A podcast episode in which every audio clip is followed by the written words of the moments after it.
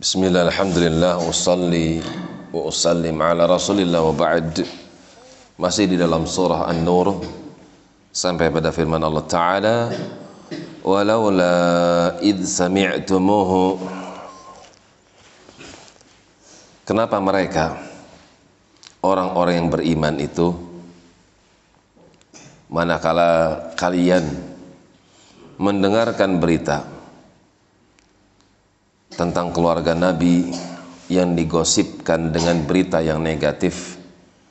Qultum Kenapa kalian tidak mengucapkan kalimat ma yakunu lana an natakallama bihadza Enggak pantas bagi kami untuk mengucapkan kalimat-kalimat seperti ini. Subhanaka Maha suci engkau ya Allah.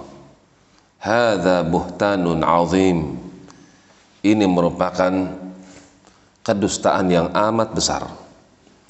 Ketika ada orang yang paling bertakwa orang yang mulia bahkan pemimpin dari kalangan manusia digosipkan dengan berita-berita yang murahan yang bisa menjatuhkan kepribadian orang tersebut maka hendaknya dia jaga lisannya dan hendaknya dia katakan buhtanun azim.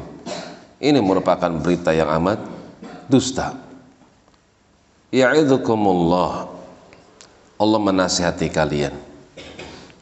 An ta'udu limithlihi abadan.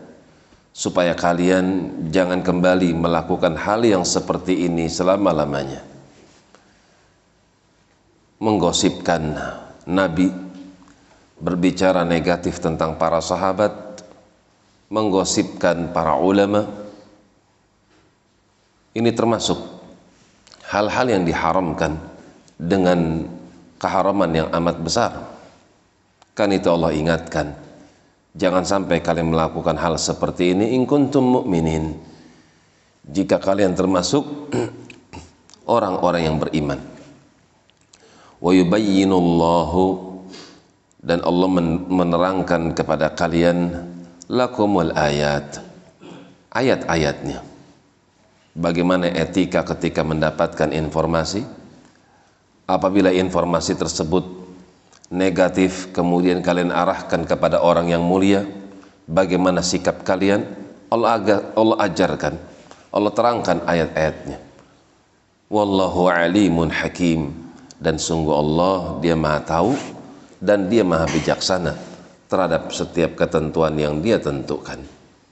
Demikian wallahu alam bis sawab.